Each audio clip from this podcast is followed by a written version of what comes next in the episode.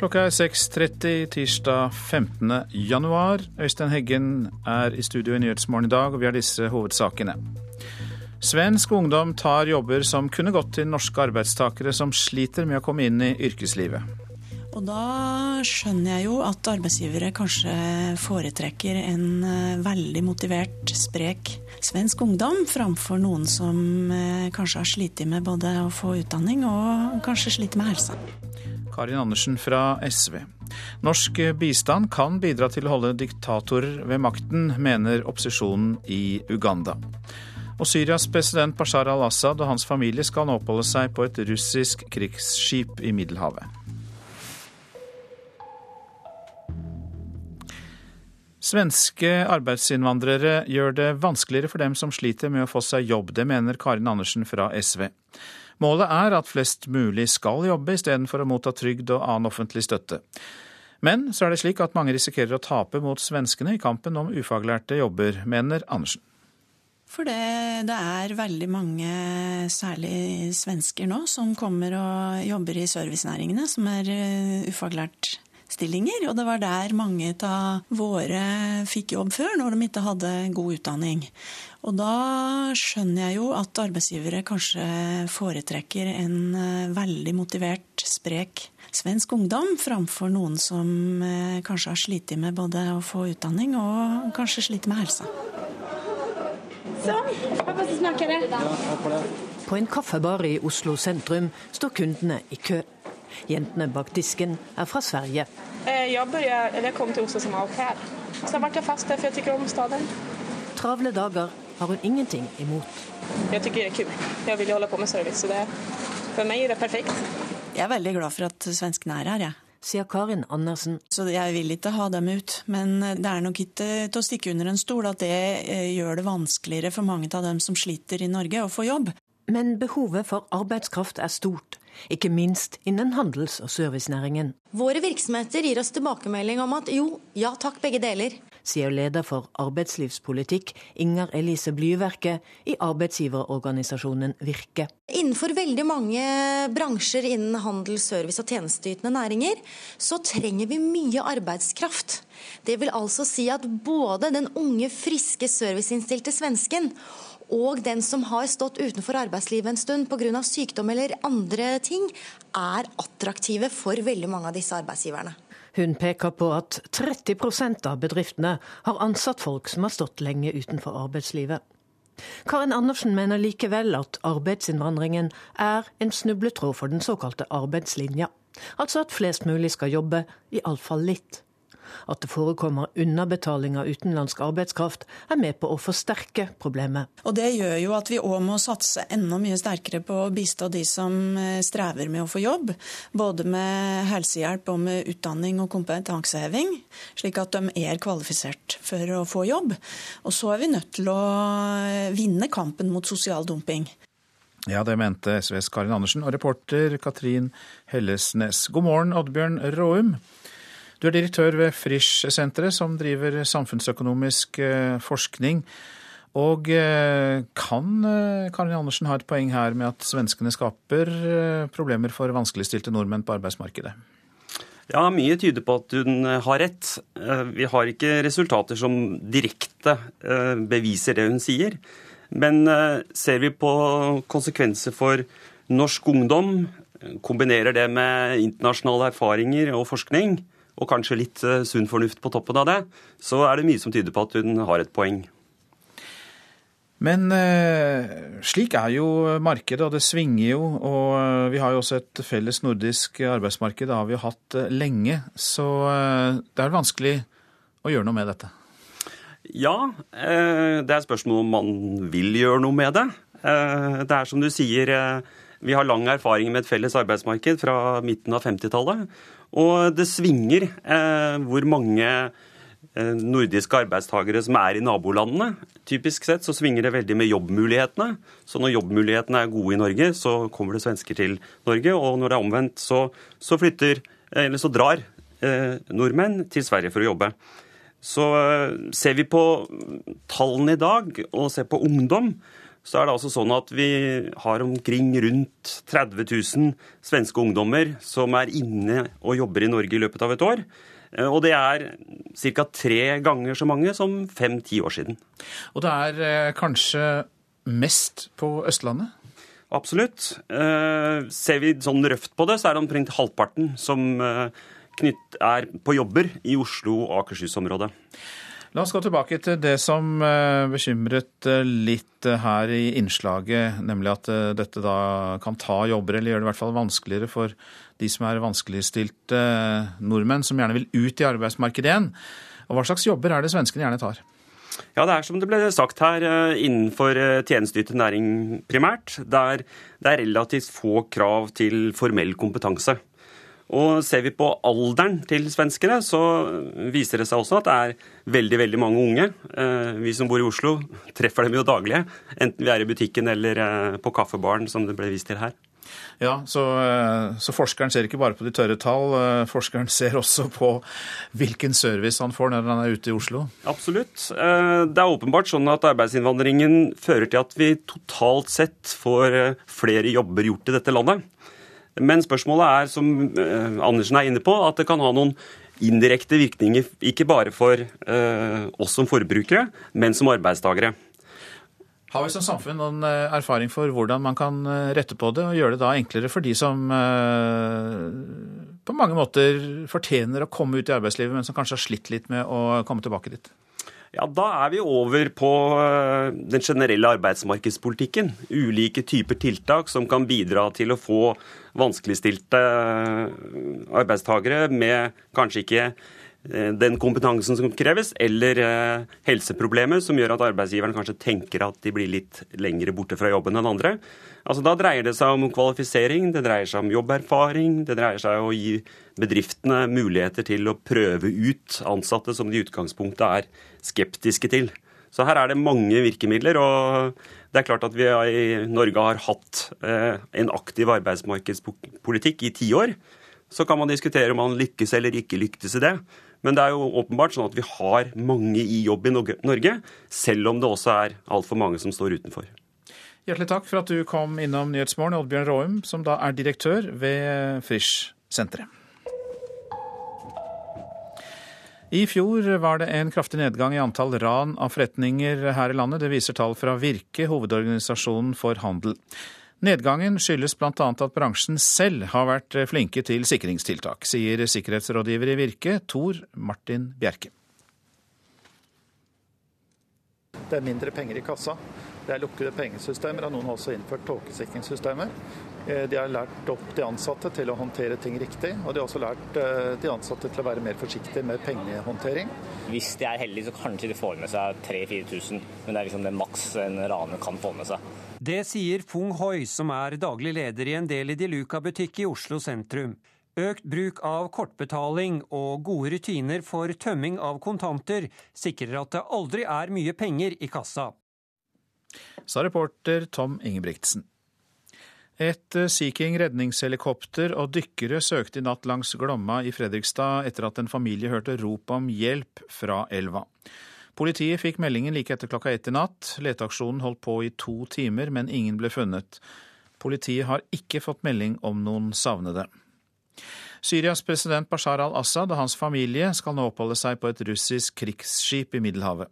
Etterretningskilder forteller til avisa Al-Watan at eh, Assad ble fløyet fra krigsskipet til, i Middelhavet til Damaskus eh, da han skulle delta på møter, at eh, det er nyhetsbyrået UPI som melder dette. Resten av tiden oppholder han seg og familien på krigsskipet, ifølge kildene.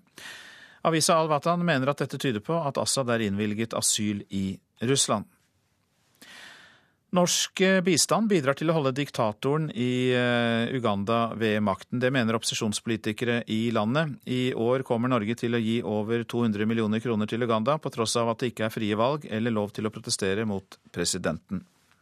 There, the money is used at personal needs and uh, not in the national interest. Abu Mai Matovu sliter med å forstå norsk bistandspolitikk. Opposisjonspolitikeren sitter i eksil i Harstad etter å ha blitt fengsla og torturert i heimlandet. I was cane, uh, I was ironed, you know, getting iron bar. Then they iron you, and uh, beaten, cut. Pengene fra Norge er ei av årsakene til at president Joveri Museveni kan holde på makta, mener han. It's amazing. This person, the family, the whole family is in the executive. The wife is a minister. The brother is a presidential advisor. The daughter, the records are there, and you, you continue fueling, you continue supporting this. I, just don't know. På 80-tallet ga Norge penger til Daniel Arb Moi sitt Kenya. På 90-tallet Robert Mugabe og Zimbabwe. Siden Museveni kom til makta etter borgerkrig i Uganda, har Norge sendt over fem milliarder kroner til landet. Utenriksminister fra 2005 til i fjor, Jonas Gahr Støre, innrømmer at Matovu i Harstad peker på et vanskelig dilemma. For det første så mener jeg at hans stemme må komme ordentlig fram. Eh, og at eh, det som er av utviklingstrekk i Uganda som er eh, kritiske, må påvirke måten vi tenker utviklingshjelp. Vi bistår jo også Afghanistan, hvor det er mange skjeve ting som vi ikke liker. Og det er en avveining. Kan effekten av å kutte dette ned sende et budskap som gjør at det blir forandring? Eller er vi inne og støtter områder som i seg selv kan bidra til forandring? Fra Harstad er det i alle fall vanskelig å forstå norsk bistandspolitikk. They know he's a dictator, but they continue supporting him. So he keeps in power. So I don't know. It's crazy. Det var stemmen fra opposisjonen i eh, Uganda om eh, dagens ledelse i landet. Det blir mer om dette i dokumentaren Den gode viljen på NRK1 i kveld. Reporter Oddgeir Øystese. Så om avisene her hjemme. Nordmenn taper på matmarkedet, er Dagsavisens oppslag. Når matgiganten Norgesgruppen får kontroll over innkjøpene til butikkjeden Ica, kan vi få mindre valgfrihet, frykter matminister Trygve Slagsvold Vedum. Billigere mat, men færre nye varer, skriver Bergens Tidende om samme sak. Priskonkurransen på dagligvarer øker når Norgesgruppen får hånd om innkjøpene i ICA-butikkene. Det mener eksperter, men samtidig mener de at forbrukerne kan gå glipp av mange nye og spennende produkter. ICA gjør Norgesgruppen til en monopolist, sier Rema-sjef Ole Robert Reitan til Dagens Næringsliv. ICA avvikler altså Angro-virksomheten i Norge og blir kunde hos Norgesgruppen, og det er et stygt spill og avtalen må stoppes, sier konkurrenten, altså Rema-sjefen. Frykter ikke gransking, sier konsernsjef i Norgesgruppen Tommy Corneliussen til Nasjonen. Konkurransetilsynet er bekymret og vil granske avtalen med ICA. Forbud mot nattmat er redusert, reduserte fyllebråk, skriver Vårt Land. I Lillestrøm er det vanskelig å få seg en kebab på vei hjem fra en fuktig kveld på byen, for der må spisestedene stenge før utestedene. Kommunens nattmatforbud har gitt resultater. Jentene overtar eliteskolene, skriver Aftenposten. På de mest populære videregående skolene i Oslo er sju av ti elever jenter.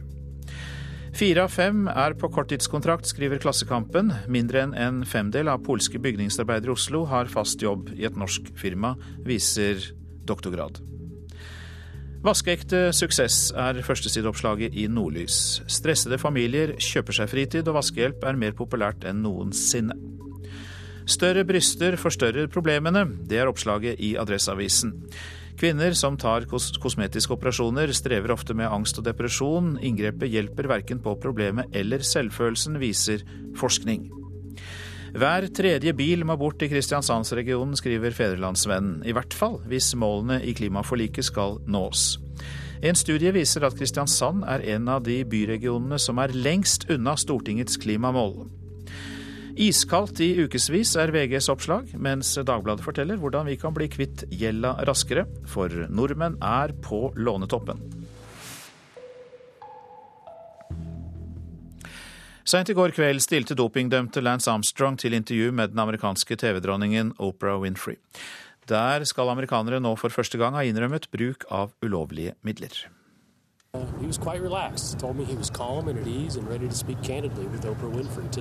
Det sier Jim Vertuno, som er sportsjournalist i Associated Press. Han møtte Lance Armstrong utenfor hjemmet hans i Austin, Texas, like før den tidligere syklisten skulle i gang med det mye omtalte intervjuet med Oprah Winfrey. Der skal Armstrong ifølge en kilde nær nyhetsbyrået ha innrømmet bruk av prestasjonsfremmende midler. Under intervjuet, som skal ha vart i to og en halv time, skal Armstrong også ha indikert at han er villig til å vitne mot andre som er skyldig i dopingforbrytelser. It's a big moment for him. There's international interest in this story. He's an international figure, uh, was an international sports hero, and um, that image has been tarnished, and people want to see how he's going to try to rebuild that. Lance Armstrong ble fratatt samtlige av sine syv Tour de France-titler i fjor høst, etter at det amerikanske antidopingbyrået USADA la frem en knusende rapport mot 41-åringen. Og nå tyder alt så mye på at hovedpersonen selv for første gang erkjenner å ha dopet seg. Intervjuet med Winfrey sendes natt til fredag norsk tid. Sa reporter Anders Mjåland. Topp fotballsjef i Norges Fotballforbund, Nils Johan Sem, gleder seg over at Vegard Forén kan være på vei til Liverpool og Premier League. Men Sem har likevel én bekymring. Nei, Det er klart at det er en formidabel overgang. Nils Johan Semb svært begeistret over meldingen om at Vegard Forhen er på vei til Liverpool. Den norske landslagsstopperen nærmer seg spill i Premier League og er i dag på plass i England for å trene med Mercyside-klubben. Så Vi trenger å få spillere ut i de gode ligaene, og det er jo Premier League er den beste ligaen. Men Semp har én bekymring, og det er spilletid. For toppfotballsjefen tror ikke Forhen vil gå rett inn på Liverpool-laget om overgangen blir en realitet. Konkurransen på stoppeplass er imidlertid tøft, med spesielt Daniel Agger og Skertel, men først og fremst Agger som spiller kanskje den posisjonen der Vegard er best. Så det blir en utfordring for ham. Så Jeg håper jo at det blir mye spilletid på Vegard, for det er helt avgjørende for at han skal få utvikling. og Det vet jo Liverpool også, og det vil også være veldig viktig for landslaget. Men du er klar på at Vegard Forhen er klar for å ta det steget nå? Jeg tror det at han er klar for det. Og jeg tror også at enten om det blir Liverpool eller om det eventuelt i tolvte time skulle bli noe annet, så tror jeg han er definitivt klar for større oppgaver. Ja, det sa toppfotballsjef Nils Johan Semb. Og Vegard Forhen spiller altså på Molde nå, men det kan bli Liverpool. Reporter Oddbjørn Visnes. Du lytter til Nyhetsmorgen. Klokka har nettopp passert 6.47. Dette er hovedsaker. Svensk ungdom tar jobber som kunne gått til norske arbeidstakere som sliter med å komme seg inn i yrkeslivet. Norsk uh, ungdom risikerer å tape kampen om ufaglærte jobber. Norsk bistand kan bidra til å holde lederen i Uganda ved makten, mener opposisjonen i Uganda. Syrias president Bashar al-Assad og hans familie skal nå oppholde seg på et russisk krigsskip i Middelhavet. Elever med norsk som morsmål er i mindretall ved nesten halvparten av grunnskolene i Oslo. Tall fra kommunen viser at de minoritetsspråklige elevene er i flertall ved 54 av 125 grunnskoler. Alle disse skolene ligger på østkanten i Oslo. Til sammen 40% av elevene i Oslo er minoritetsspråklige, og det betyr at de har et annet morsmål da enn norsk eller samisk. Innvandrere til Norge er stort sett fornøyde med hvordan de blir fremstilt i mediene. Det viser en ny undersøkelse fra Universitetet i Oslo. Og hjemme hos en norsk-iransk familie på Grünerløkka ser de både Bollywood-filmer og norske nyheter. Hjemme hos familien Adampour på Grünerløkka i Oslo står TV-en innstilt på en kanal som viser indisk og pakistansk film. Men en av døtrene i familien, Mina Adampour, liker bedre å se på nyheter. Det med vold i nære relasjoner er et viktig Det går mye i radio og nettaviser. Jeg er veldig mye på norske medier hver dag. Selv om man kanskje også skulle ønske man hadde tilgang til medier fra egne hjemland. da. Ny forskning fra Universitetet i Oslo viser at de elleve største innvandringsgruppene i Norge stort sett er fornøyd med hvordan de blir fremstilt i norske medier. Resultatet er overraskende, siden mediene har fått kritikk for hvordan de fremstiller innvandrere, sier forsker Audun Beyer. Vi har stilt dem en rekke forskjellige spørsmål. Og det som kanskje er mest verdt å trekke fram, er at de ikke er spesielt forskjellige fra totalbefolkningen heller. All den tid at innvandringsdekningen ofte fremstilles som ganske polarisert og har ganske sterke synspunkter, og kanskje kan oppfattes som skjev, så hadde vi kanskje forventet at folk skulle være mer misfornøyd og være mer kritisk. Det ser vi ikke. Vi skal samtidig huske på at det er Folk er kritiske, det fins en del som er det, men det er også en del som er ganske godt fornøyd. Forskningen viser at åtte av ti innvandrere bruker norske medier hver dag. De som er spurt er født i utlandet eller har to foreldre som er det. Bare litt over halvparten er norske statsborgere. Jeg, jeg, må jo si at jeg faktisk er litt overrasket. Det sier Navjot Sandbu, styreleder for Minotenk, en tankesmie som jobber for å definere utfordringer som angår minoriteter i Norge. Framstillingen av minoriteter eh, fra norske medier er veldig polarisert. Enten så har du lykkes, eller så har du mislykkes. ofte så føler minoriteter at eh, det er ikke noe det er ikke noe kunnskap bak det, og det er lite nyanser der. Mina Adampour på Grünerløkka i Oslo synes ikke iranere blir dårlig fremstilt i norske medier, men hun skulle ønske at det var flere norsk-iranere i mediene. Jeg synes det er forskjell på, på måte, enkeltgrupperinger og begrepet innvandrere. Fordi begrepet innvandrere brukes, er i hvert fall mitt inntrykk, mye oftere. Gjerne også med sånn i negativ ordlag, da. Mens eh, enkeltgrupperinger som konkret vietnamesere eller konkret eh, iranere videre, der har jeg egentlig ikke følt meg truffet. Reporter var eh, Eirin Venås Sivertsen.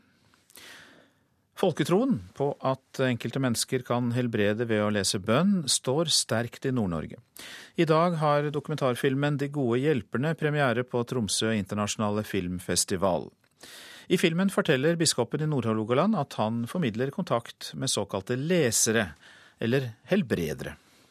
Det var på Kirkenes, og far min begynte å blø neseblod. og det var blodkar i nesen som, som sprengte, som man ikke greide å stoppe på vanlig måte, og som man måtte tilkalle hjelp. Per Kjøllås er biskop i Nord-Hålogaland. Først prøvde man jo på vanlig måte gjennom klassisk medisin å, å gjøre noe med det, men man klarte ikke det. Og så til slutt så måtte man ty til en som vi visste hadde de evnene.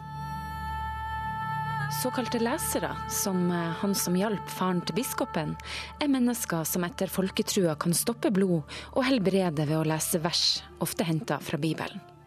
I filmen 'De gode hjelperne', som vises på den internasjonale filmfestivalen i Tromsø, står tre hjelpere frem.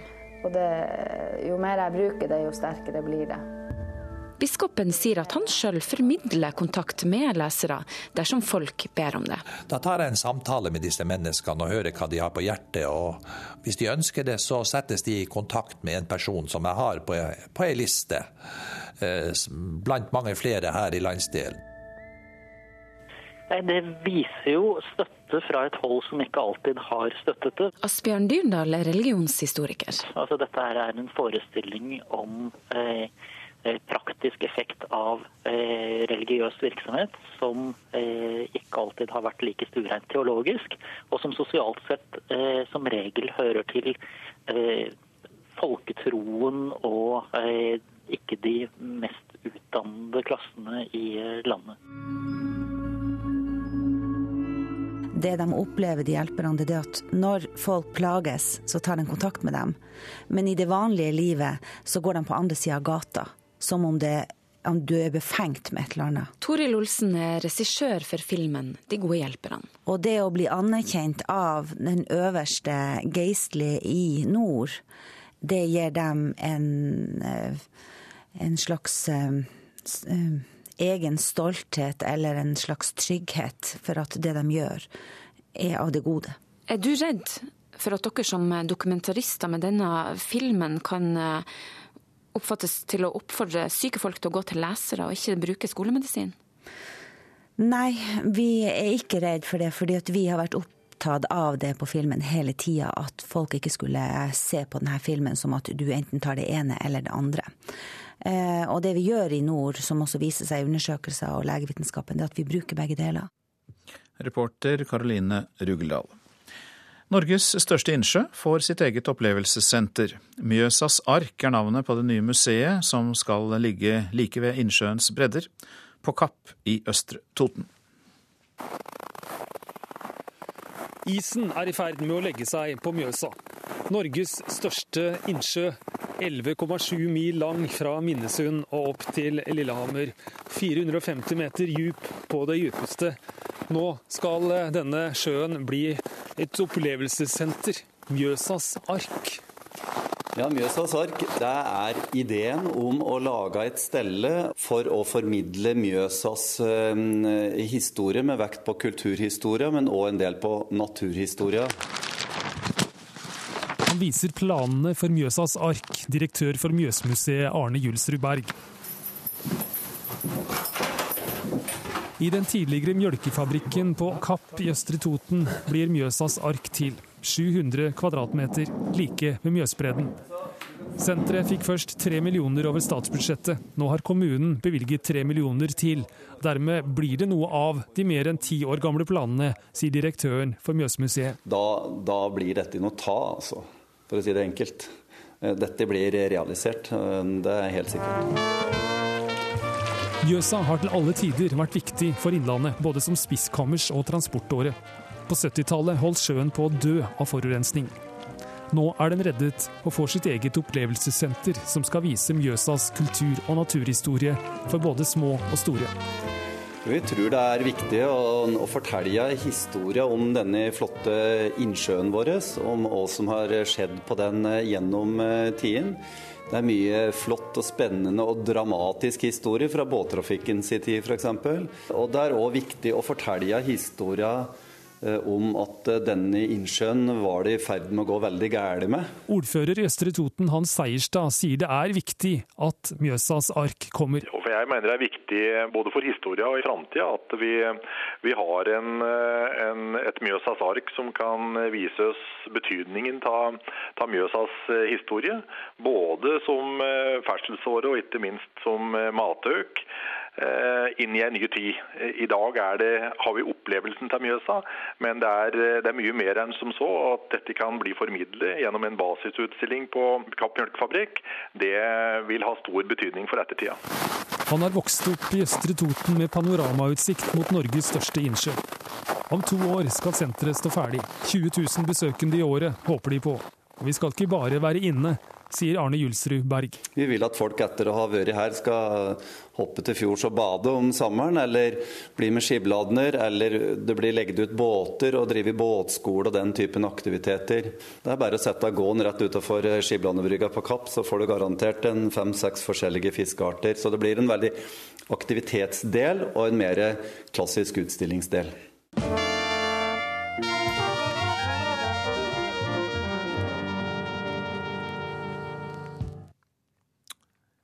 De vi hørte her, var Arne Julsrud Berg, direktør for Mjøsmuseet, og ordfører i Østre Toten, Hans Seierstad. Reporter Stein S. Eide. Et tog sporet av og kjørte rett inn i en lavblokk i Stockholm i natt. Det var personer i bygningen, men ingen av dem ble skadd, opplyser politiet i Stockholm. Minst én person i toget ble skadet. Så til et eh, værvarsel fram til midnatt. Fjellet i Sør-Norge.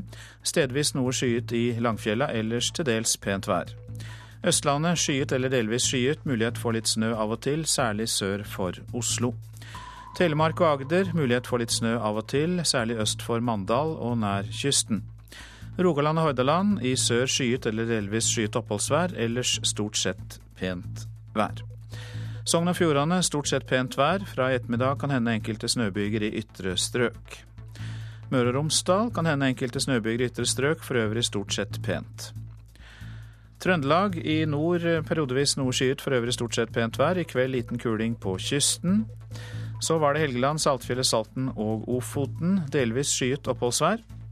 Lofoten og Vesterålen litt sludd eller snø i Vesterålen først på dagen, ellers delvis skyet oppholdsvær.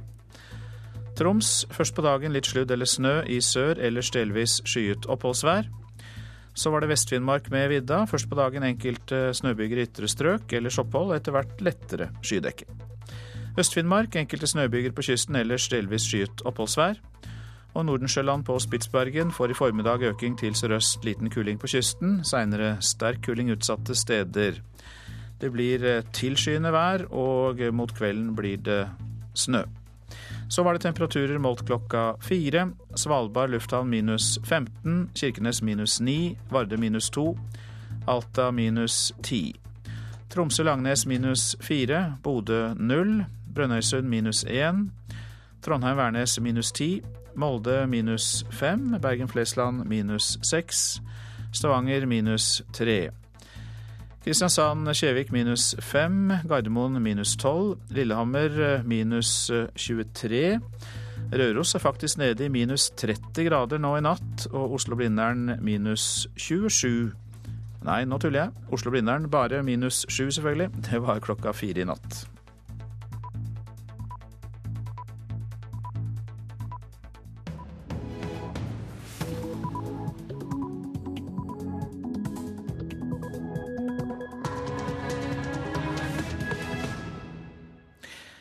Du lytter til Nyhetsmorgen med Øystein Heggen i studio. Her er en nyhetsoppdatering. Nesten 30 milliarder kroner ble ikke oppgitt til beskatning av norske bedrifter i fjor, viser tall fra skatteetaten. Mye handler om ulik fortolkning av skatteloven. For mange medlemmer så er det nok slik at de opplever å, å, å være skyldige, uten at de nødvendigvis har utført eh, forsett her. Leder i Bedriftsforbundet, Lars Erik Sletner. Det var eh, stor nedgang i antall butikkran i fjor. Det skyldes bedre sikkerhetstiltak, og det er rett og slett eh, mindre penger i eh, kassa. Hvis de er heldige, så kanskje de får med seg 3000-4000, men det er liksom det maks en raner kan få med seg. Det sa Dela de Luca-ansatt Fong Hoi. Frankrike sender flere soldater til Mali. De franske styrkene har rykket nærmere hovedstaden Bamako.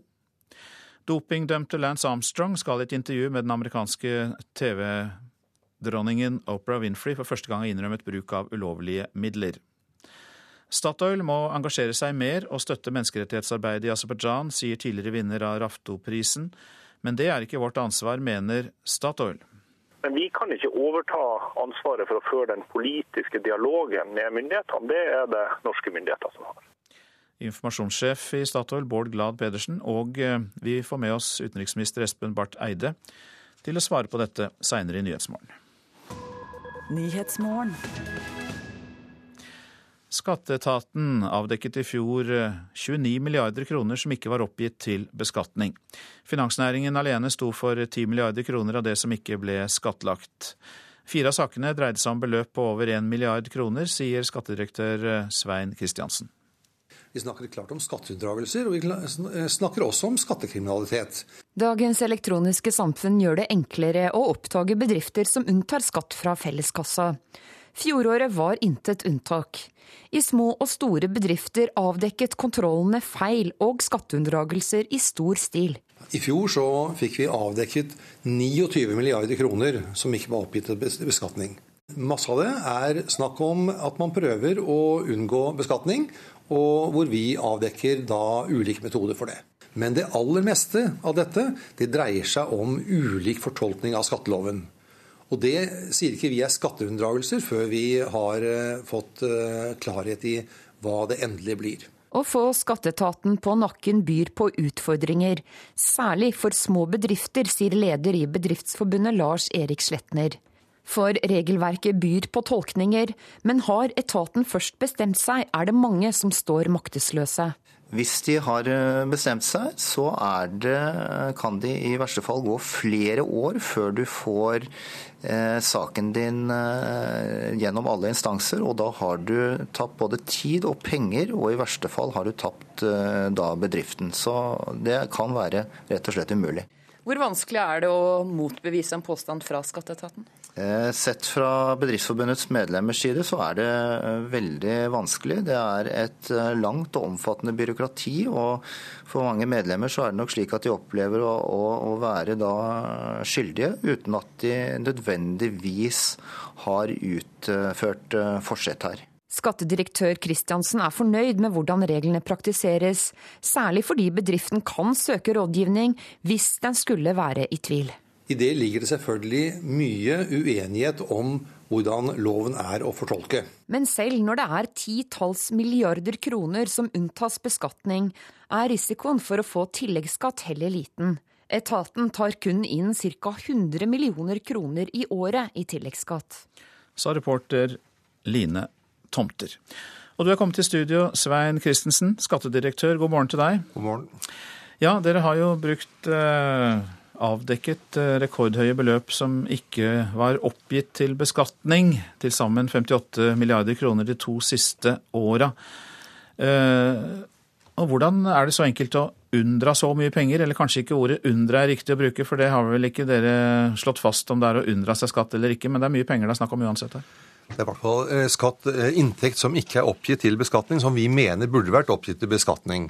Og eh, det her spenner alt fra ren skattekriminalitet til ulike typer unndragelser, og så da en del store saker som gjelder litt ulik fortolkning av, av skattelovens grenser. Hvorfor er det ikke helt klare regler, slik at man slipper disse fortolkningene hele tiden?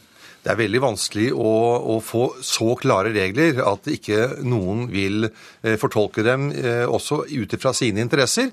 Og det er mange som ser på skatt som en, eh, en kostnad og ønsker å minimere den. Og da, klart at da vil man også utfordre skattelovens grenser. Kan du fortelle meg hva slags selskaper det er som velger å ikke oppgi inntekt til beskatning? Ja, Det er et stort spekter av selskaper, selvfølgelig. Og, og, og det behøver ikke være sånn at de, at de, mener at de har gått utover lovens grenser. De har søkt råd hos, uh, hos sakkyndig og, og, gjort sitt beste skjønn. Og så har vi altså kommet til en annen konklusjon. Og siden det jo er vi som er satt til å passe på at lovens uh, regler håndheves, så, så, er det klart at vi kan komme i, i, til ulike konklusjoner på det. Men er det da lettere å unngå skatt nå enn før? Nei, det vil jeg si at det ikke er. Altså for I del kompliserte saker så er det klart at vi tar fatt i det nå på en helt annen måte enn det vi gjorde for en del år tilbake. Og Det skyldes at vi har spesialisert eh, kontrollvirksomheten vår ganske kraftig og fått en veldig mye høyere kompetanse viktige, eh, på viktige områder. Men vi hørte jo Bedriftsforbundet komme med en bekymringsmelding i dette innslaget. Altså når dere først har oppdaget at noe da mangler beskatning etter deres oppfatning, så er det vanskelig å endre på. Dere er veldig harde i klypa over veldig lang tid. Går det ikke an å få gjort dette raskere hvis det er strid om tolkningen? Jo, men uh, sakene går ganske raskt når man har fastsatt uh, skatt fra skatteetatens side. Men Det sa jo ikke han fra Finansforbundet. Nei, men vi kan vise til at, uh, at saksbehandlingen går rimelig, rimelig raskt. Og, og både gjennom skatteklagenemnda, og så er jo spørsmålet da om man godtar det som skatteklagenemnda har, har fastsatt. Og, og så er det slik at vi vi, eh, vi eh, prøver også å, å veilede og, og, og, fortelle hva som er grunnlaget for dette her. Og det er klart at det, det, er ikke alltid det er forsett i, eh, i denne type saker. Men, men, jeg forstår at det, det, kan være tungt noen ganger å få en, en, en skattesak mot seg. Du har, forstå... Nei, du har i hvert fall forståelse med folket som sliter med dette. Det er jo i hvert fall noe, skattedirektør. Mm. Hjertelig takk for at du kom i studio, Svein Christensen, som altså er skattedirektør her i landet. I fjor var det en kraftig nedgang i antall ran av forretninger her i landet. Det viser tall fra Virke, hovedorganisasjonen for handel. Særlig stor nedgang har det vært i Oslo, sier sikkerhetsrådgiver Tor Martin Bjerke. Det har vært en spesielt stor nedgang i Oslo, men vi har også sett den samme trenden i resten av landet, og det er veldig positivt. 65, 65. Tusen takk. Ha det bra. Kunder blir ekspedert på kveldstid i en butikk i Oslo. I hovedstaden gikk antallet ran av bl.a. kiosker, butikker og bensinstasjoner kraftig ned i fjor og tallet er nå bare halvparten av hva det var for to år siden. Ja, Vi mener at nedgangen skyldes først og fremst at eh, de forskjellige butikkene og forretningene har eh, gjort veldig mye nye sikkerhetstiltak. I tillegg til det så har man spesielt i Oslo hatt en stor aksjon fra Grønland politidistrikt. Etterforskningen har eh, løst veldig mange av ranene. I tillegg til at politiet har tatt flere ranere, mener Tor Martin Bjerke i Virke at nedgangen skyldes at bransjen selv har blitt flinkere til å tenke sikkerhet. Det er mindre penger i kassa. Det er lukkede pengesystemer, og noen har også innført tåkesikringssystemer. Eh, de har lært opp de ansatte til å håndtere ting riktig, og de har også lært eh, de ansatte til å være mer forsiktige med pengehåndtering. Hvis de er heldige, så kanskje de får med seg 3000-4000, men det er liksom det maks en raner kan få med seg. Det sier Fung Hoi, som er daglig leder i en del i Luca butikk i Oslo sentrum. Økt bruk av kortbetaling og gode rutiner for tømming av kontanter sikrer at det aldri er mye penger i kassa. Vi har eh, dropp-rutiner. Når kassa vår overgår en viss beløp, så dropper de ansatte pengene. Han sier alle ansatte også gjennomgår kurs i hvordan de skal opptre for å minske risikoen for ran. Det er viktig at ansatte får blikket på kundene som kommer inn. Da, da vil raneren tro at nå har liksom vi sett raneren, og da minker vi risikoen også. Så det er veldig viktig at ansatte følger godt med hvem som kommer inn i butikken. Tor Martin Bjerke i Virke mener tallene viser at en felles innsats mot ran nytter. Nei, jeg synes Det er veldig positivt, fordi det viser at det arbeidet vi har gjort de siste årene har båret frukter. Og vi ser at sikring nytter, og at politiets innsats er vesentlig for å lykkes. Reportere her Tom Ingebrigtsen og Ellen Borge Christoffersen. Franske styrker har rykket nærmere hovedstaden Bamako i Mali. Samtidig har opprørshæren trukket seg tilbake fra flere byer, blant den Timbuktu, og Frankrike sender nå flere soldater til Mali. Til tross for omfattende franske luftangrep fortsetter ytterliggående islamistiske opprørere å nærme seg Malis hovedstad. De står nå 40 norske mil fra Bamako etter at garnisonslandsbyen Diabali i går ble inntatt etter kamper med malisiske regjeringssoldater. Hvor harde kamphandlingene i Diabali har vært, er uklart. Malis hær er i en sørgelig demoralisert forfatning. Dens soldater har en rekke ganger flyktet og latt byer og landsbyer falle i opprørernes hender uten å løsne et skudd. Men Frankrike øker nå det militære nærværet i Mali for å hindre opprørernes fremrykning. I løpet av de nærmeste dagene vil den franske styrken bli utvidet fra 550 til 2500 soldater. Og på et krisemøte i FNs sikkerhetsråd i New York i går kveld fikk Frankrike forståelse og støtte for intervensjonen i Mali fra de 14 andre medlemmene i rådet, ifølge den franske FN-ambassadøren Gerard Arrault. Nå etterlyser både Frankrike og Sikkerhetsrådet den vestafrikanske fredsstyrken på vel 3000 soldater, som Nigeria, Niger, Burkina Faso, Togo, Senegal og Benin har lovet å sette inn mot opprørerne i Mali. Fredsstyrken har vært på beddingen i lang tid, men er ennå ikke kampklar eller kommet på plass i Bamako. Lars Sigurd og Nairobi. Ja, og FNs generalsekretær Ban Ki-moon han ber om at eh, de afrikanske styrkene raskt blir utplassert, og at det blir en politisk løsning. Tom Christiansen, utenriksmedarbeider og tidligere Afrikakorrespondent. Det er jo et lønnlig håp fra Ban Ki-moon, men hvor realistisk er det? Hvor lenge tror du de franske styrkene blir stående? De kan bli stående lenger enn vi tror. Om to måneder kommer regntida. Da er det umulig for bakkestyrkene til denne vestafrikanske hæren, fredshæren, å gå inn. Så de må altså vente til kanskje til august. Så de franske styrkene kan eh, bli stående så lenge. De kan kanskje også bli stående lenger, for det viser seg jo alltid at det er vanskelig å trekke seg ut med ære. Dette området som det her er eh, primært er strid om, nemlig Nord-Mali, der bor det jo flere millioner mennesker. og Hvem er det som bor der? Tuaregene bor der. Ørkenfolket disse, de er så svarte at de nesten er blå, men de utgjør 10-15% av befolkningen. Halvparten er de såkalte slavene. De ble altså frigitt som slaver for 15 år siden. Eh, så de fleste av dem har eh, vært slaver i sin barndom og, ungdom. De utgjør halvparten av befolkningen. Og så har du eh, ulike etniske grupper som seg imellom har forskjellige vanskelige forhold. Så kommer disse opprørerne inn i dette området og har én interesse felles, det er nemlig regjeringen i sør, som man oppfatter som noe som blander seg inn, og dessuten har de vært undertrykt og, marginalisert på, på, mange vis. Men dette er folk som er ekstremt tolerante fra, av tradisjon. Så dette nye sharia-kravet som kommer fra opprørerne, det er helt fremmed for dem, og derfor så har de ikke folket bak seg.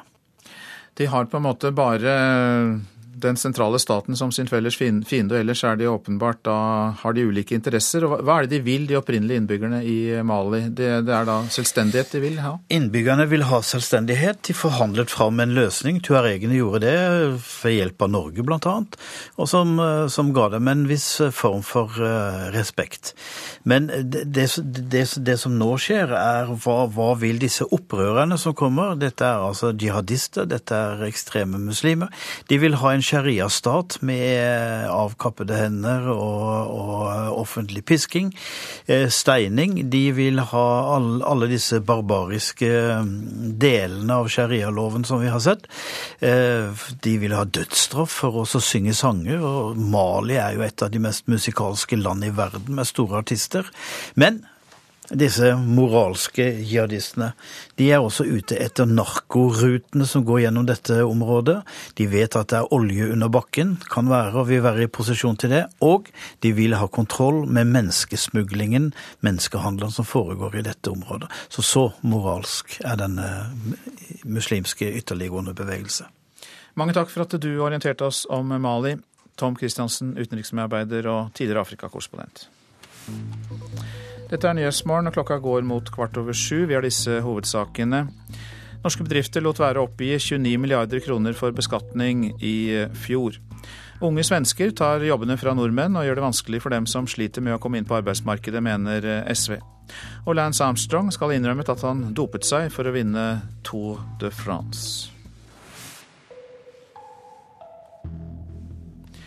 Statoil må engasjere seg og støtte menneskerettighetsarbeidet i Aserbajdsjan. Det sier tidligere vinner av Raftoprisen, Malat Nashibova, i forbindelse med norske myndigheters besøk i landet. Yəni.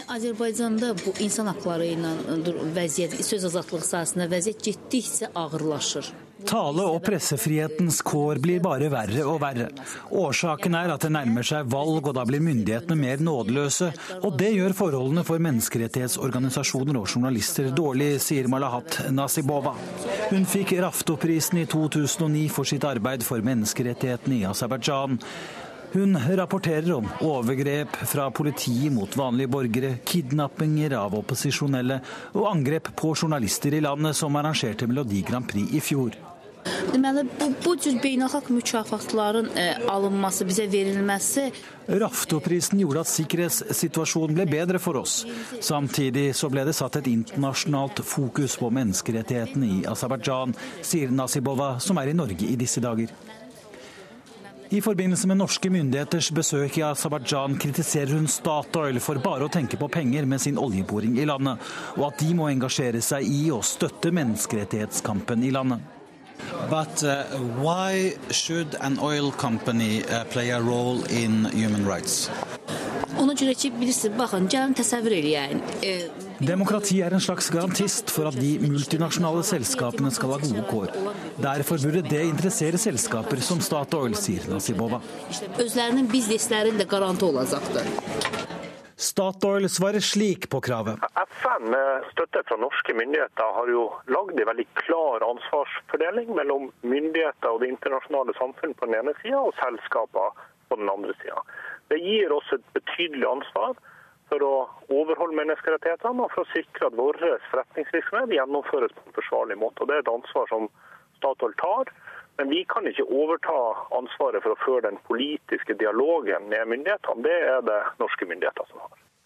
Det sa informasjonssjef i Statoil, Bård Glad Pedersen, reporter Øyvind Nyborg. Utenriksminister Espen Barth Eide, du eh, møtte president eh, Vi hadde han på tråden nettopp, men så mistet vi Espen Barth Eide. Vi prøver å ringe ham opp igjen. Og eh, vi tar vi, Mens vi venter på det, så eh, tar vi med at pakistansk politi skjøt i luften og brukte tåregass mot regjeringsfiendtlige demonstranter i hovedstaden Islamabad i dag tidlig. Demonstrantene ønsket en fredelig revolusjon i Pakistan, sier de, og krever at regjeringen går av, og at nasjonalforsamlingen oppløses innen klokka 11 lokal tid. I Egypt eh, omkom 19 soldater da et militærtog sporet av i en forstad til Kairo i natt. Rekruttene var på vei til en militærleir da ulykken skjedde. Over 100 andre ble skadd i ulykken, ifølge egyptiske medier. Landets jernbanenett og veier er beryktet for dårlig sikkerhet og mange dødsulykker. Syrias president Bashar al-Assad og hans familie skal nå oppholde seg på et russisk krigsskip i Middelhavet. Etterretningskilder forteller til avisa Al-Watan at Assad blir fløyet fra krigsskipet i Middelhavet til Damaskus når han skal delta på møter, melder nyhetsbyrået UPI.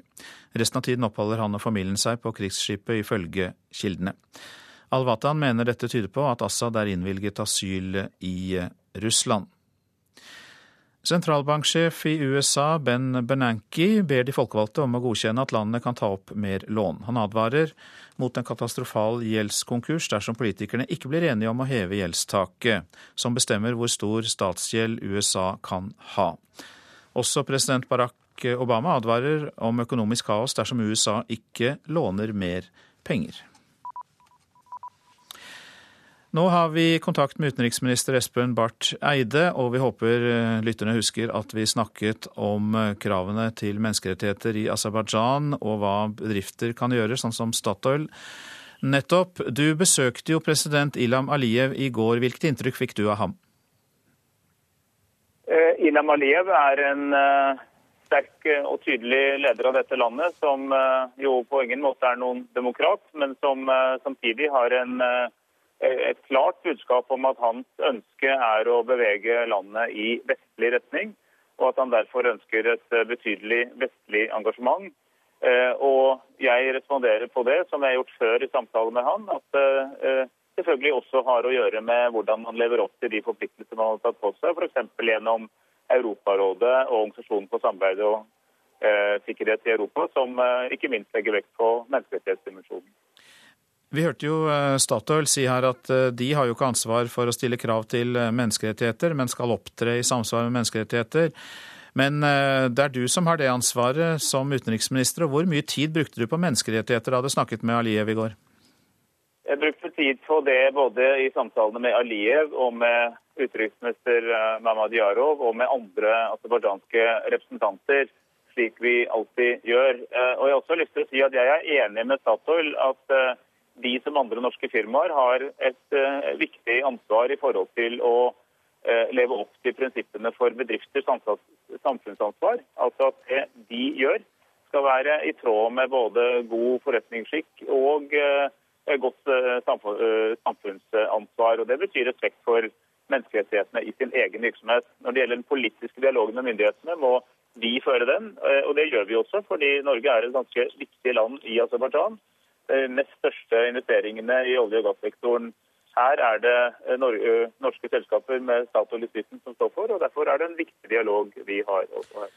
Men det har jo i årevis kommet en strøm av anklager om eh, angrep både på sivile, opposisjonelle og journalister i Aserbajdsjan. Og hva har Norge å tape på å føre en mer kritisk holdning til regimet enn det du gjør nå?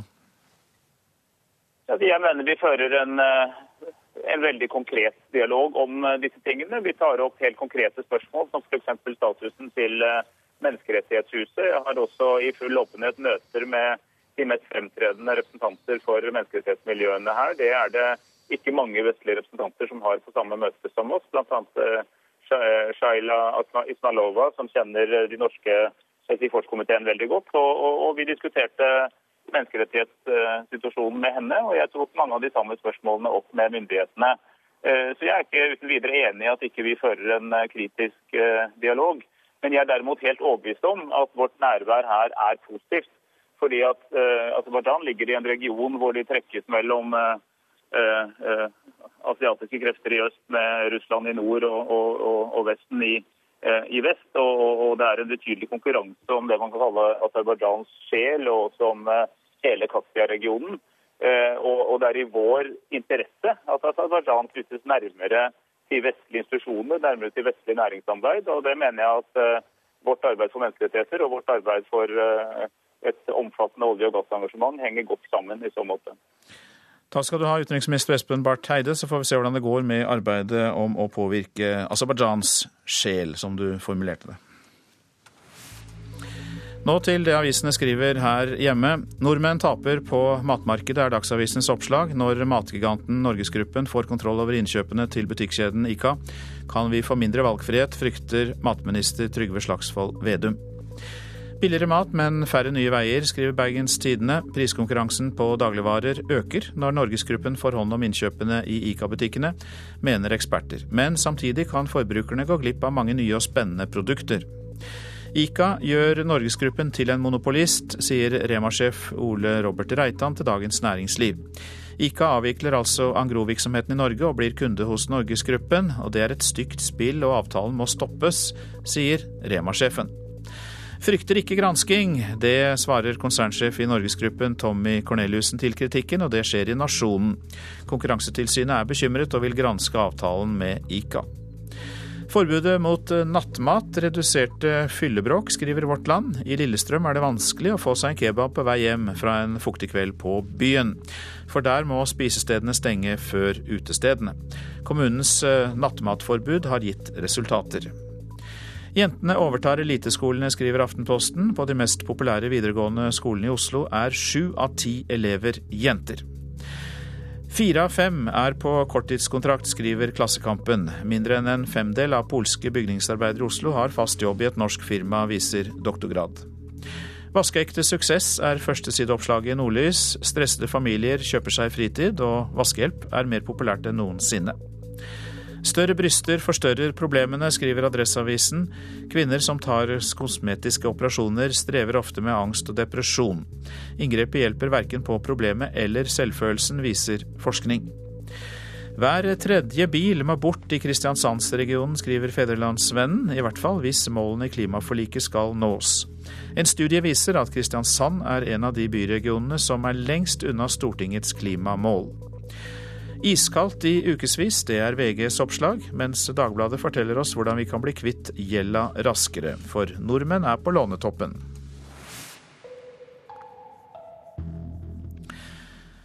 Rogaland står for mellom 70 og 80% av Norges produksjon av minkskinn. Det har vært en kraftig vekst i næringen det siste året, og de fleste, er, eh, de fleste er unge bønder. 25 år gamle Vegard Kvalbein fra Hå kommune skal ta over gården etter faren sin, og i går hentet han den siste lasten med mink. Nå holder vi på å losse minken så jeg var og henta den for en time siden. Skal vi hive den over i burene sine. Hvor mange ganger har du trilt av den trillebåra fram og tilbake i dag? Ja, Nå er det jo første gangen nå, men det er borte en del ganger i løpet av hele innflyttinga. Han er ikke den eneste som jobber hardt med å få minken i hus. Bare innen noen kilometer i omkrets er det mange nye som nå starter med minkoppdrett. Herifra ifra Ogna til Varhaug så er det vel åtte stykker som skal starte. Er dette en ny eh, trend blant eh, de unge bøndene som tar over? Ja, det er gode penger. Det er vel mye som lokker da. Det er vel motsatt i forhold til alt annet i landbruket. Folk går og klager på hvor lite de tjener. Og Ifølge Erik Eidsvik i Rogaland Pelsforlag har det ikke bare blitt flere oppdrettere, men de blir òg stadig yngre. Vi må virkelig kunne slå fast og si at, at eh, vi har en forynging av de som driver med pelsdyroppdrett. Det syns vi er veldig hyggelig. Veldig mange unge, engasjerte mennesker som da ser at uh, gjennom pelsdyrdrift kan få en lønnsom drift på gården sin. Men hvorfor tror du denne veksten kommer nå?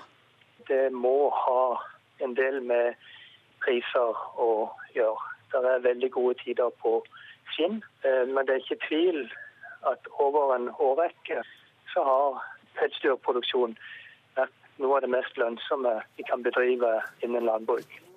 For at Kvalbein skal få en lønnsom drift, må han først få minken i bur. Og det er ikke like lett hver gang. Oi, nå stikker han av. Oi. Plasserte mink som hopper i buret sjøl. han hopper rett og slett inni sjøl? Ja. Da vil de bo her. Han gjør i hvert fall det han kan for at minkene skal trives. For etter mye negativ oppmerksomhet rundt pelsoppdrett i media, tror Kvalbein at oppdretterne nå er ekstra opptatt av å gjøre det skikkelig. Ja, når vi bygde, så satte vi inn treetasjes bur for at, at minken skulle trives best mulig. Og vi er litt opptatt av det, at vi skal gå rundt og passe på flere ganger til dagen. Se at han har det godt. Og... Føler du at det er en sikrere måte å tjene penger på, i sammenligning med det vanlige jordbruket? Nei, jeg tror ikke det er sikrere, men det er litt mer spennende med det at det er en vare som går ut av landet. Og, og det er ikke ja, det er ikke staten og disse her som bestemmer hvor mye du skal tjene. Det er litt mer hva kunden ber er på det frie markedet. Så det er verden som bestemmer prisene. og da, Det er litt spennende. Det kan gå greit ned, og det kan gå greit opp. Er det en trygg investering for en uh, ung bonde å gjøre? Hvis en ser med den usikkerheten som skapes politisk, så, så kan en jo med god grunn stille det spørsmålet. Og med den uh, lønnsomheten vi har i dag, kan jeg nesten si at kundeinvesteringene dekkes vel stort sett inn i løpet av en uh, to, tre, fire år så er hele investeringen dekket inn da, med nåværende priser. Så, det var siste minken i hus. Føles det godt? Ja, det var herlig. Da var det slutten på det kapitlet. Reporter Marte Kindervåg. Verdens største religiøse festival samler 100 millioner deltakere. Etter Dagsnytt skal vi til Allahabad i India. Og alkohol og pensjon er temaer i Politisk kvarter. Du hører på Nyhetsmorgen. Produsent Marit Selmer. Her i studio Øystein Heggen. Hør ekko. Det har gått to år siden den arabiske våren. Var det egentlig et krav om demokrati? Vi skal snakke med en som var på Tahrir-plassen på den første demonstrasjonsdagen. Da hadde han allerede demonstrert i flere år, og det starta med finanskrisa. Ekko 9 11 i NRK P2.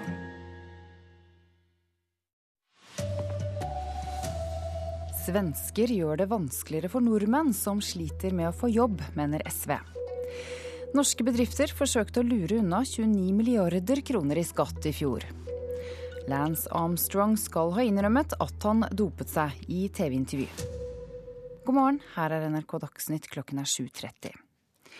Svenske arbeidsinnvandrere gjør det vanskeligere for nordmenn som sliter med å få seg jobb. Det mener Karin Andersen fra SV. Mange må konkurrere med svensker som står i kø for å få ufaglærte jobber i Norge, mener hun.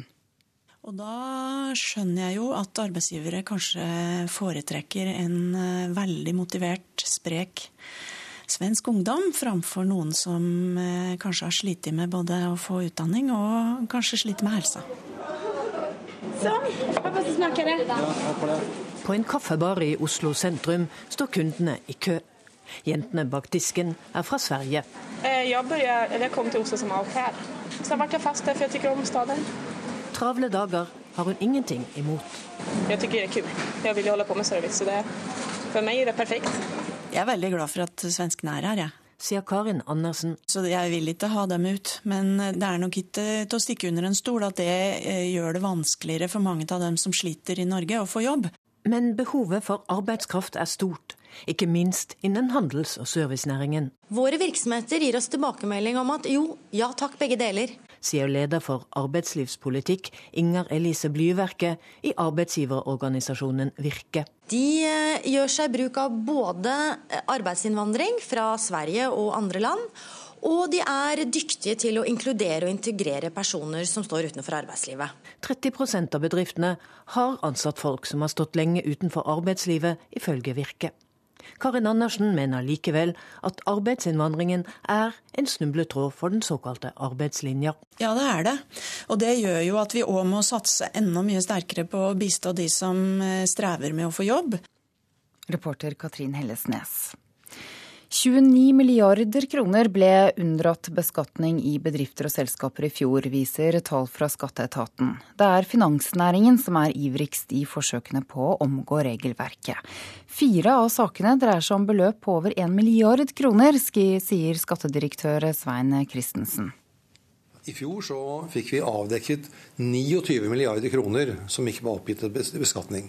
Masse av det er snakk om at man prøver å unngå beskatning, og hvor vi avdekker da ulike metoder for det. Dagens elektroniske samfunn gjør det enklere å oppdage bedrifter som unntar skatt fra felleskassa. Fjoråret var intet unntak. I små og store bedrifter avdekket kontrollene feil og skatteunndragelser i stor stil. Vi snakker klart om skatteunndragelser, og vi snakker også om skattekriminalitet. Men det aller meste av dette det dreier seg om ulik fortolkning av skatteloven. Å få skatteetaten på nakken byr på utfordringer, særlig for små bedrifter, sier leder i Bedriftsforbundet Lars Erik Sletner. For regelverket byr på tolkninger, men har etaten først bestemt seg, er det mange som står maktesløse. Hvis de har eh, bestemt seg, så det, kan de i verste fall gå flere år før du får eh, saken din eh, gjennom alle instanser. Og da har du tapt både tid og penger, og i verste fall har du tapt eh, da bedriften. Så det kan være rett og slett umulig. Skattedirektør Kristiansen er fornøyd med hvordan reglene praktiseres, særlig fordi bedriften kan søke rådgivning hvis den skulle være i tvil. I det ligger det selvfølgelig mye uenighet om hvordan loven er å fortolke. Reporter Line Tomter. I fjor var det en kraftig nedgang i antall ran av butikker, viser tall fra Virke. Særlig stor har nedgangen vært i Oslo, sier sikkerhetsrådgiver Tor Martin Bjerke. Det har vært en spesielt stor nedgang i Oslo, men vi har også sett den samme trenden i resten av landet, og det er veldig positivt. 65, 65. Tusen takk. Ha det bra. Kunder blir ekskludert på kveldstid i en butikk i Oslo. I hovedstaden gikk antallet ran av bl.a. kiosker, butikker og bensinstasjoner kraftig ned i fjor. Og tallet er nå bare halvparten av hva det var for to år siden.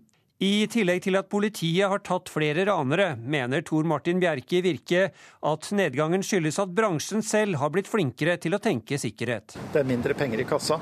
Det er lukkede pengesystemer, og noen har også innført tåkesikringssystemer. Eh, de har lært opp de ansatte til å håndtere ting riktig, og de har også lært eh, de ansatte til å være mer forsiktige med pengehåndtering. Hvis de er heldige, så kanskje de får med seg 3000-4000, men det er liksom det maks en raner kan få med seg. Det sier Fung Hoi, som er daglig leder i en del i De Luca-butikk i Oslo sentrum. Økt bruk av kortbetaling og gode rutiner for tømming av kontanter sikrer at det aldri er mye penger i kassa. Han sier alle ansatte også gjennomgår kurs i hvordan de skal opptre for å minske risikoen for ran. Det er viktig at ansatte får blikket på kundene som kommer inn. Da, for da vil raneren tro at nå har liksom vi sett raneren, og da minker vi risikoen også. Så det er veldig viktig at ansatte følger godt med hvem som kommer inn i butikken. Sa daglig leder eh, Fung Hoi. Reportere var Tom Ingebrigtsen og Ellen Borge Christoffersen. Franske styrker har rykket nærmere hovedstaden Bamako i Mali. Samtidig har opprørshæren trukket seg tilbake fra flere byer, blant dem Timbuktu. Til tross for omfattende franske luftangrep fortsetter ytterliggående islamistiske opprørere å nærme seg Malis hovedstad. De står nå 40 norske mil fra Bamako etter at garnisonslandsbyen Diabali i går ble inntatt etter kamper med malisiske regjeringssoldater. Hvor harde kamphandlingene i Diabalé har vært, er uklart. Malis hær er i en sørgelig demoralisert forfatning. Dens soldater har en rekke ganger flyktet og latt byer og landsbyer falle i opprørernes hender uten å løsne et skudd. Men Frankrike øker nå det militære nærværet i Mali for å hindre opprørernes fremrykning. I løpet av de nærmeste dagene vil den franske styrken bli utvidet fra 550 til 2500 soldater. Og på et krisemøte i FNs sikkerhetsråd i New York i går kveld fikk Frankrike forståelse og støtte for intervensjonen i Mali fra de 14 andre medlemmene i rådet, ifølge den franske FN-ambassadøren Gerard Arrault. Nå etterlyser både Frankrike og Sikkerhetsrådet den vestafrikanske fredsstyrken på vel 3000 soldater, som Nigeria, Niger, Burkina Faso, Togo, Senegal og Benin har lovet å sette inn mot opprørerne i Mali. Fredsstyrken har vært på beddingen i lang tid, men er ennå ikke kampklar eller kommet på plass i Bamako. Lars Sigurd Sunnano, Nairobi. Et tog sporet av og kjørte rett inn i en boligblokk i Stockholm i natt. Ingen av de som var i blokken ble skadet, men minst én person i toget skal ha blitt skadet, skriver Aftonbladet. Innvandrere i Norge er stort sett fornøyd med hvordan de blir fremstilt i mediene. Det viser en undersøkelse fra Universitetet i Oslo. Forsker Audun Beyer mener tallene er overraskende, fordi mediene ofte får kritikk for hvordan de fremstiller innvandrere. All den tid at eh, innvandringsdekningen ofte fremstilles som ganske polarisert, og, eh, kanskje kan oppfattes som skjev, så hadde vel kanskje forventet at eh, folk skulle være mer misfornøyd. Det ser vi ikke. Jeg, jeg, må jo si at jeg faktisk er litt overrasket. Det sier Navjot Sandbu, styreleder for Minotenk, en tankesmie som jobber for å definere utfordringer som angår minoriteter i Norge. Ofte så føler minoriteter at det er ikke noe det er ikke noe kunnskap bak det, og det er lite nyanser det. Så ser man jo også den trenden, ikke sant? Så sakte, men sikkert har begynt å snu. Eh, du har eh, flere journalister som har minoritetsbakgrunn. Reporter Eirin Venås Sivertsen. Sent i går kveld stilte dopingdømte Lance Armstrong til intervju med den amerikanske TV-dronningen Oprah Winfrey. Der skal amerikaneren for første gang ha innrømmet bruk av ulovlige midler.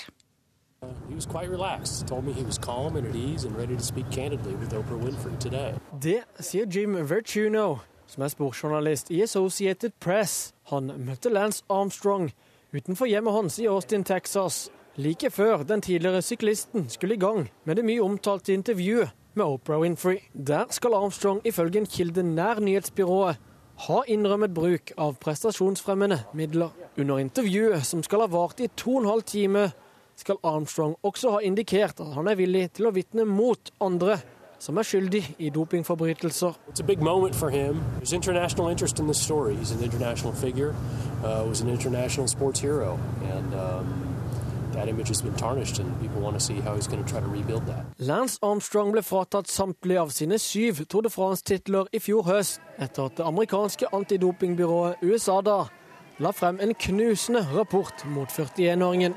Og nå tyder altså mye på at hovedpersonen selv for første gang erkjenner å ha dopet seg. Intervjuet med Winfrey sendes natt til fredag norsk tid.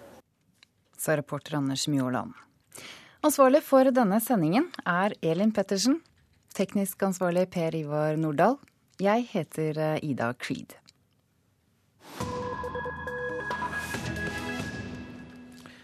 I India er Kumbh-mela i gang. Det skal vi høre om nå i Nyhetsmorgen. Verdens største samling av mennesker. Arrangørene venter 100 millioner deltakere. Og det er en religiøs festival som varer i to måneder. Hensikten er å foreta rituelle religiøse bad i de hellige elvene som møtes ved byen Allahabad. De kommer i grålysningen. Først i hundretusenvis. Senere kan det være flere millioner av dem som søker fysisk og åndelig renselse ved Sangam, møtestedet for de hellige elvene Ganges og Yamuna, samt den mytiske Sarasvati, hyppig omtalt i eldgamle skrifter, men i den kyniske virkeligheten en ikke-eksisterende fantasielv. De forskjellige melene bestemmes av månefasen og stjernenes posisjon i forhold til hverandre. Men den store Pornakum-mela, som inntreffer hvert tolvte år, den kommer i år.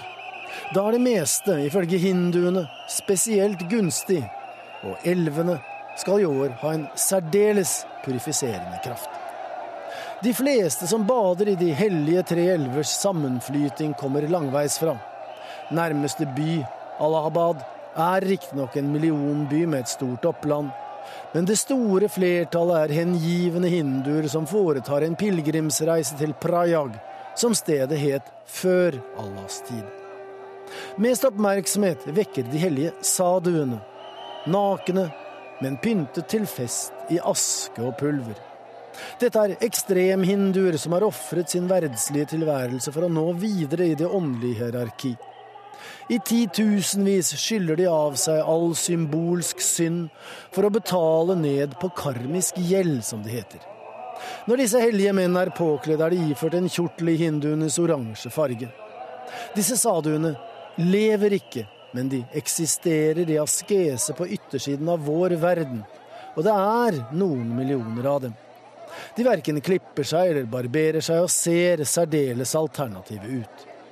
Både sammen og hver for seg er de pittoreske.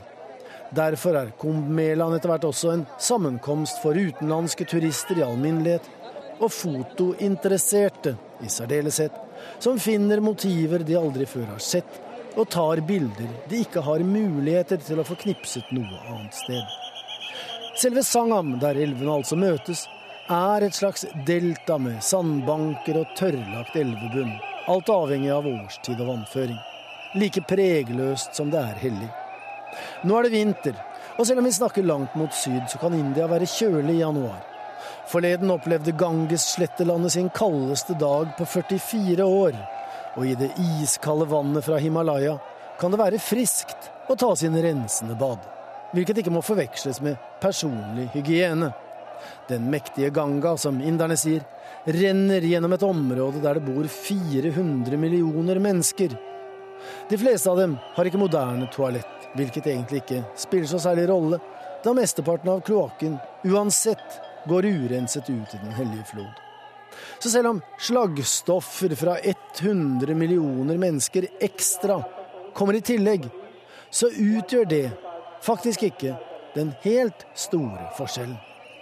Lokalmyndighetene, som har satt av et par milliarder kroner, gjør hva de kan for å forhindre epidemier og panikk. Dødelige hendelser ved mange melaer.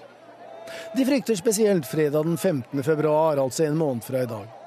For i denne Kumbh-melaen er det den aller mest begunstigede datoen hva himmellegemene angår. Og det er snakk om 20 millioner badegjester. Så de som ikke må, bør altså unngå Alabad i Uttar Pradesh akkurat den dagen. Og det var Joar Ho Larsen som var reporter. Dette er Nyhetsmorgen, og dette er eh, hovedsakene. Ulik tolkning av skatteloven kan ha ført til at milliarder av kroner ikke blir oppgitt til skattemyndighetene. Unge, friske svensker gjør det vanskeligere for eh, norsk ungdom som sliter med å få seg jobb, mener SV. Og bedre sikkerhetstiltak og mindre penger i kassa gjorde at antall butikkran gikk kraftig ned i fjor. Du får besøk av to fedre i Politisk kvarter i dag, programleder Lars Nehru Sand. Jonas Gahr Støre vil bli forebyggingens far i helsepolitikken. Røykelovens far utfordrer ham og spør om ikke røykelovsuksessen kan overføres til alkoholpolitikken.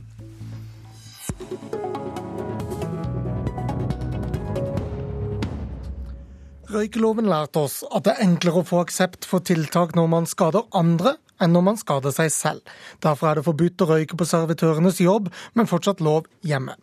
Hvordan skal Støre så overføre dette til alkoholpolitikken, mener du, Dagfinn Høybråten? Velkommen. Takk for det. Først og fremst så er dette mulig fordi vi nå har fått en helseminister som har satt folkehelse øverst på sin politiske dagsorden, slik jeg oppfatter det. Det gratulerer jeg med.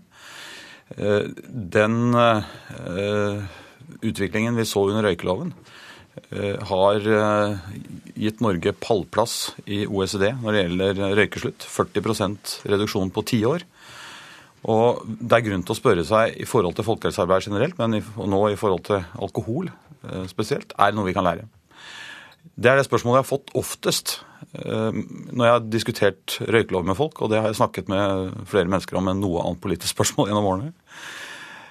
Da eh, tror jeg at en av de lærdommene vi kan trekke, det er at eh, når vi fokuserer eh, alkoholpolitikken på ikke på den alminnelige nytelse av alkohol, men på den alkoholbruken som skader barn, som skader trafikkofre, som skader tilfeldige voldsofre på byen, som utsetter mennesker for risiko og fare og skaper utrygghet i samfunnet, så kan vi få en større aksept for en mer restriktiv politikk. Og vi vet, forskerne har fortalt oss, at det er restriksjoner som nytter. Kampanjer er bra hvis det går sammen med en restriktiv politikk. Og jeg vil utfordre Støre i dag i Stortinget til å svare på om han eh, i sin folkehelseoffensiv vil ta tak i alkoholen og bygge på noen av de lærdommene som jeg tror vi kan trekke fra røykeloven. Vi får høre, han kan svare allerede nå. Jonas Gahr Støre, velkommen. Det veldig enkle svaret takk skal du ha, er ja. Eh, og eh, det er klare overføringer fra eh, tobakksfeltet til alkohol, og det skal vi diskutere i Stortinget. Så det vil jeg la meg inspirere av. For det første dette med tredjepart. Vi har et begrep som heter passiv røyking. Alle vet hva det er. Hvis du ikke røyker selv, men andre gjør det, så blir du påvirket av den røyken. Det finnes også et fenomen som heter passiv drikking. Eh, og det er det særlig barn som er i fokus for. Barn av foreldre som uh, drikker, nyter alkohol. Uh, barn som, av foreldre som har avhengighetsproblemer, misbruker alkohol. Uh, og også andre tredjeparter, som Høybråten sier. Dette har vært fremme i debatten om alkoholpolitikken før, men vi løfter det på ny, og vi har det tydeligere fram. Så tror jeg det er Kan jeg få lov å spørre deg, da? Fordi folk vil jo forstå intuitivt at man ødelegger servitørenes arbeidsmiljø ved å røyke på deres jobb. Men at to timers kortere skjenketid skal hjelpe for at naboen slår kona mindre, det er kanskje vanskeligere og intuitivt forstå. Ja, det var et spissformulert eksempel, men det er nemlig også forskjeller mellom alkohol og tobakk som gjør at alkohol er et mer krevende felt. og Det har vi jo sett. Vi har lavt forbruk i Norge sammenlignet med resten av Europa, men det er i noen grupper for høyt, og det øker i noen grupper som det ikke burde øke i. Og Det er jo flere grunner til det. Tobakk er et produkt som er gjennomgående negativt for helse. Industrien hadde mistet all sin troverdighet, og tiltakene var prøvet og testet internasjonalt. Alkohol er det annerledes med. Derfor må vi gå frem på litt, litt, andre måter. Vi kommer til å ha alkohol i vår kultur og vårt samfunn videre framover. Det er ikke et spørsmål om å ha en visjon totalt uten alkohol. Eh, men vi kan lære mye av eksemplene. Men jeg må jo, siden vi er i Politisk kvarter, si at jeg tror ikke Høybråten og jeg kommer til å være mye uenige om det. Jeg syns at folkehelseargumentasjonen er god. Eh, eh, men siden vi er i politikkens verden, så er det jo en utfordring for Kristelig Folkeparti, som har et godt engasjement her, at de altså nå allierer seg med partier som vil utvide skjenketidene, åpne liberal, liberalisere alkoholpolitikken og gjøre den mer tilgjengelig. Fremskrittspartiet, anført sammen med Høyre og Venstre, har jo den politikken. Så det blir ikke enkelt å gjennomføre strengere politikk på det området. Men jeg ønsker jo at vi i Stortinget, når vi skal behandle folkehelsemeldingen senere i vår, får en fornuftig felles tilnærming på dette feltet. Alkohol kommer nå opp, kryper opp bak tobakk som et av de store årsakene til for tidlig død og sykdom i verdens eh, uhelse, og det må vi ta inn over oss også i Norge. Men uh, nå er det dagens helseminister jeg utfordrer, og jeg har forstått at han har som ambisjon å sitte også etter valget. Det er helt riktig. Og da vil han uansett valgutfall eh, kunne regne med Kristelig Folkeparti som en sterk alliert eh, for en mer restriktiv alkoholpolitikk. Og la oss bli litt konkrete, fordi vi kan ha en god dialog om, om de generelle spørsmålene. Men, men, når det gjelder det som programlederen spør om, nemlig effekten av å stramme litt inn på skjenketidene, så har vi jo prøvd det i levende laboratorier rundt omkring i landet. Byer som har prøvd å kutte skjenketidene med én time. Og Sirus, våre egne forskere i Norge, har dokumentert at eh, det er nedgang i kriminalitet, voldskriminalitet og annen kriminalitet på 17% i de byene som bare strammer inn med én time. Og da er det for meg komplett ubegripelig at en regjering som har flertall i Stortinget, og som har et enda større flertall med Kristelig Folkeparti i denne saken, har nølt så lenge med å gjennomføre den ene timen i alkoholloven som altså kunne gi en reduksjon i passiv eh, drikking, eh, kriminalitet og vold på byen, med 17% Hvorfor har dere ikke gjort det? Takk, programleder, for det gode spørsmålet. Eh, jeg mener at eh, kommunene har gjennom det vi har gjort av nasjonale retningslinjer, nå full frihet til å gjøre det. Men jeg tror det er riktig at kommunene tar det valget. De kommunene som gjør det, jeg har sett i Trondheim, de får de resultatene. Eh, og Her handler det om å finne gode løsninger sammen med uh, utestedene. Jeg er helt enig i at det er et godt tiltak å knappe inn på den timen.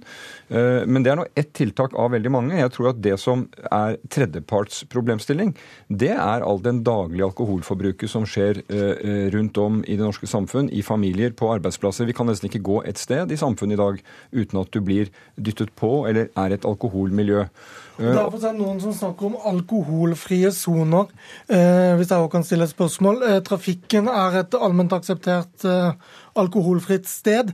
Det som jo har skjedd siden stortingsmeldingen din kom i, i fjor sommer, eh, Støre, er at eh, et ishockeylag fra Høybråten stortingsfylke Rogaland, Stavanger Oilers, har fått skjenkebevilgning på sine hjemmekamper. Er det et, eh, et godt passivt drikkingtiltak? Nei, jeg er kritisk til det, og jeg er kritisk til tanken som gjelder også i hoppsporten, at du kan ikke ha et godt hopprenn uten at det er full eh, tilgang på alkohol.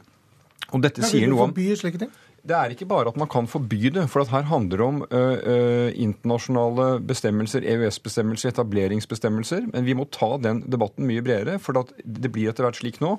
Og her er det likhetstrekk med tobakk-tilfellet, at vi står opp mot en veldig mektig næringsindustri som presser på. Eh, så dette er, dette er, temaer som vi absolutt bør reise, og ikke stilltiende godta at bare sånn må det være. Kan jeg bare, jeg vil bare spørre større om et par andre tiltak som er nevnt i, i stortingsmeldingen. Det ene er, eh, og i debatten, det ene er advarsel på emballasjen, som vi kjenner fra røykepakkene. Eh, det er snakk om, om promillegrense som er lavere for unge sjåfører, promillegrense, lavere promillegrense til sjøs, forbud mot alkohol på arbeidslivsrelaterte ting som ledelsen arrangerer, eller vinlotteri på jobb. Er det ting her som du allerede nå vil si at du, du vurderer mer konkret? Nå ligger denne meldingen til behandling i Stortinget, og jeg håper vi skal få ganske brede løsninger, eh, enighet på flere av disse feltene, bl.a. med Kristelig Folkeparti.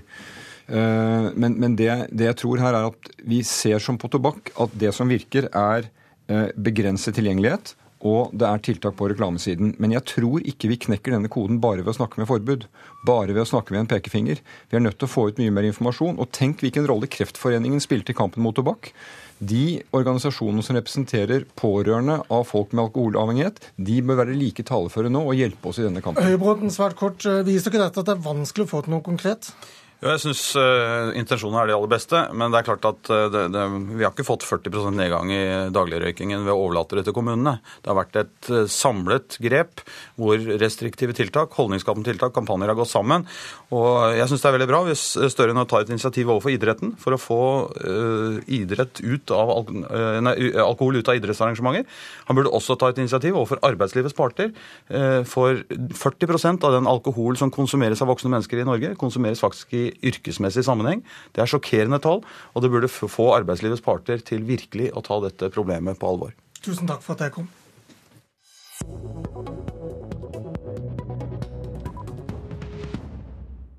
I går fikk vi høre noe så sjeldent som en slags selverkjennelse på Dagsrevyen. Offentlig ansatte født etter 1959 har ikke så god pensjonsordning som de selv tror. Du, Tone Rønholt Tangen, leder i LO Stat, sier nå at den offentlige tjenestepensjonsordningen må reforhandles med regjeringen. Hvem mener du burde advart deg mot dette tidligere? Eh, først vil jeg presisere at eh, det LO Stat har tatt til orde for nå, er ingen omkamp av det som eh, ble, det var enighet om i 2009. Og det er heller ikke en ny erkjennelse de som forhandla den gangen, de visste at eh, det var en eh, del som eh, ikke kom på plass da. Det var en pressa situasjon, det var mekling på overtid. Det var viktig å ordne pensjon for de eldste årsklassene, de som først ville komme i pensjonsalderen. Og så rakk vi ikke resten. Nå er tida inne til å se på resten. Vi veit at Arbeidsdepartementet nå driver med en jobb med å tilpasse offentlige tjenestepensjoner til ny folketrygd for de som er født i 1959 og seinere. Og det er den prosessen vi vil inn i, og også se på andre alternativer til eh, den bruttomodellen. For jeg må jo si at når en bruttomodell, er blitt en nettomodell, da er det kanskje ikke så veldig mye å, å, å kjempe for.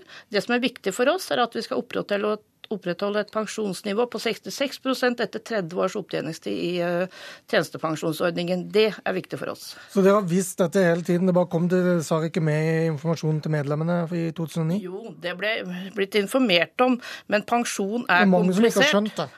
Ja, og det er jeg helt enig. Men helt siden jeg tiltrådte som LO statleder i april i 2010, så har jeg sagt ved enhver anledning at vi, det står igjen en jobb for de yngre, og det plikter vi å ta når den tida kommer. Anniken Huitfeldt, arbeidsminister. Hvordan kunne LO blitt tydeligere advart tidligere? Vi har jo sagt dette hele tiden. De offentlige pensjonene er på noen områder bedre enn de private, men på andre områder så er de dårligere. Og det blir spesielt dårligere for de som er yngre. Fordi at nå får vi snart levealdersjustering. Det betyr at man må jobbe noe flere år for å få ut eh, en pensjon på høyt nivå. De som er ansatt i privat sektor, de kan jobbe noe lenger for å kompensere for det, og dermed få en like høy pensjon. Mens de som er ansatt i offentlig sektor, de vil bli ramma av denne levealdersjusteringen hardere, for de får ikke noe igjen for å jobbe ekstra. Det andre som er negativt med de som jobber i det offentlige, er at de får kutt i pensjonen sin hvis de tar jobb i det offentlige hvis de er i 60-åra. Nå fikk vi nye skattetall for ikke så lenge siden. Og da så vi at eh, menn i 60-åra var de som hadde størst inntektsøkning. Og da så jeg at dette henger sammen med pensjonssystemet. At de som jobber i privat sektor, ofte menn, de tar ut alderspensjon, og så jobber de ved siden av. Og det er jo helt etter hensikten. Vi ønsker at folk i 60-åra skal jobbe mer. Men mange kvinner som er ansatt i offentlig sektor, de får ikke så mye igjen for å jobbe ved siden av pensjon. Så det er mange svakheter i det systemet som vi har forhandla fram, spesielt for de yngre årsklassene. Men bare hold på de yngre årsklassene, for din beskjed til de født etter 59 nå, er vel strengt tatt at de må jobbe minst til de er 70? Ja, altså de må jobbe noe lenger for å få den samme pensjonen. Ja, men, men de kan jo komme Det betyr at de ikke kan gå av når de er 60, det kan vi på en måte slå fast allerede nå? Jo, men de kan også kombinere i privat sektor arbeid og pensjon. Jo, men nå snakker derfor... vi om de offentlige, unge offentlige ansatte. Mm. Ja, og at de Rønholdtangen vil fortsatt at de skal kunne gå an når de er 60, men det er vel bare å glemme. De kan gå av når de er 62, og de vil få en eh, relativt god pensjon fra de er 62 til de er 67. Men når de er 67, så vil de bli omfattet av det som er levealdersjusteringa. Og de har ikke så stor eh, mulighet til å påvirke den og jobbe noe lenger for å få høyere pensjon. Så de som er født etter 1958 med dagens system, kan komme dårligere ut enn de som tar ut pensjon nå. Og hele poenget når dette skal da reforhandles, blir at de kan, altså den offentlige pensjonen for de unge kan ikke bli like god som det dagens eldre har. Det som er viktig i den nye pensjonsreformen, er at det skal lønne seg å jobbe. Og at vi trenger folk som står lenger i arbeidslivet. Og i privat sektor så har vi en pensjonsordning som stimulerer til arbeid. Som gir de som tar ut pensjon mulighet til å kombinere det med arbeid, og som fungerer veldig bra. De samme incitamentene finnes ikke i den offentlige tjenestepensjonsordningen. Rønholdtang, det var tre ting som var viktig for dere sist. Det var at man skulle kunne gå av når man var 65. Man skulle ha 66% av lønna, og man skulle kunne få dette etter 30 års opptjening opptjening. Eh, når dette skal reforhandles, hva er ufravikelige krav fra deres side? Det er 30 eh, års opptjening i eh, pensjonsordningen og 66% Jeg fylte 67, for når det var 65 som var mantra sist, så var det for at det var en AFP-ordning. Og den ligger jo der. Nå prater vi om alderspensjon, derfor sier jeg nå 67 år. Det vil vi ha med. Men altså det som statsråden sier her. Altså Det er mulig å gjøre noe med den saken nå, sånn at vi kan få de yngre årsklassene til å komme bedre ut. Og det jeg vil, også er vi enige at det skal stimulere til å stå lenger i jobb, men da vil jeg si at gjennomsnittlig pensjonsalder for de som går med alderspensjon i staten er 68 år.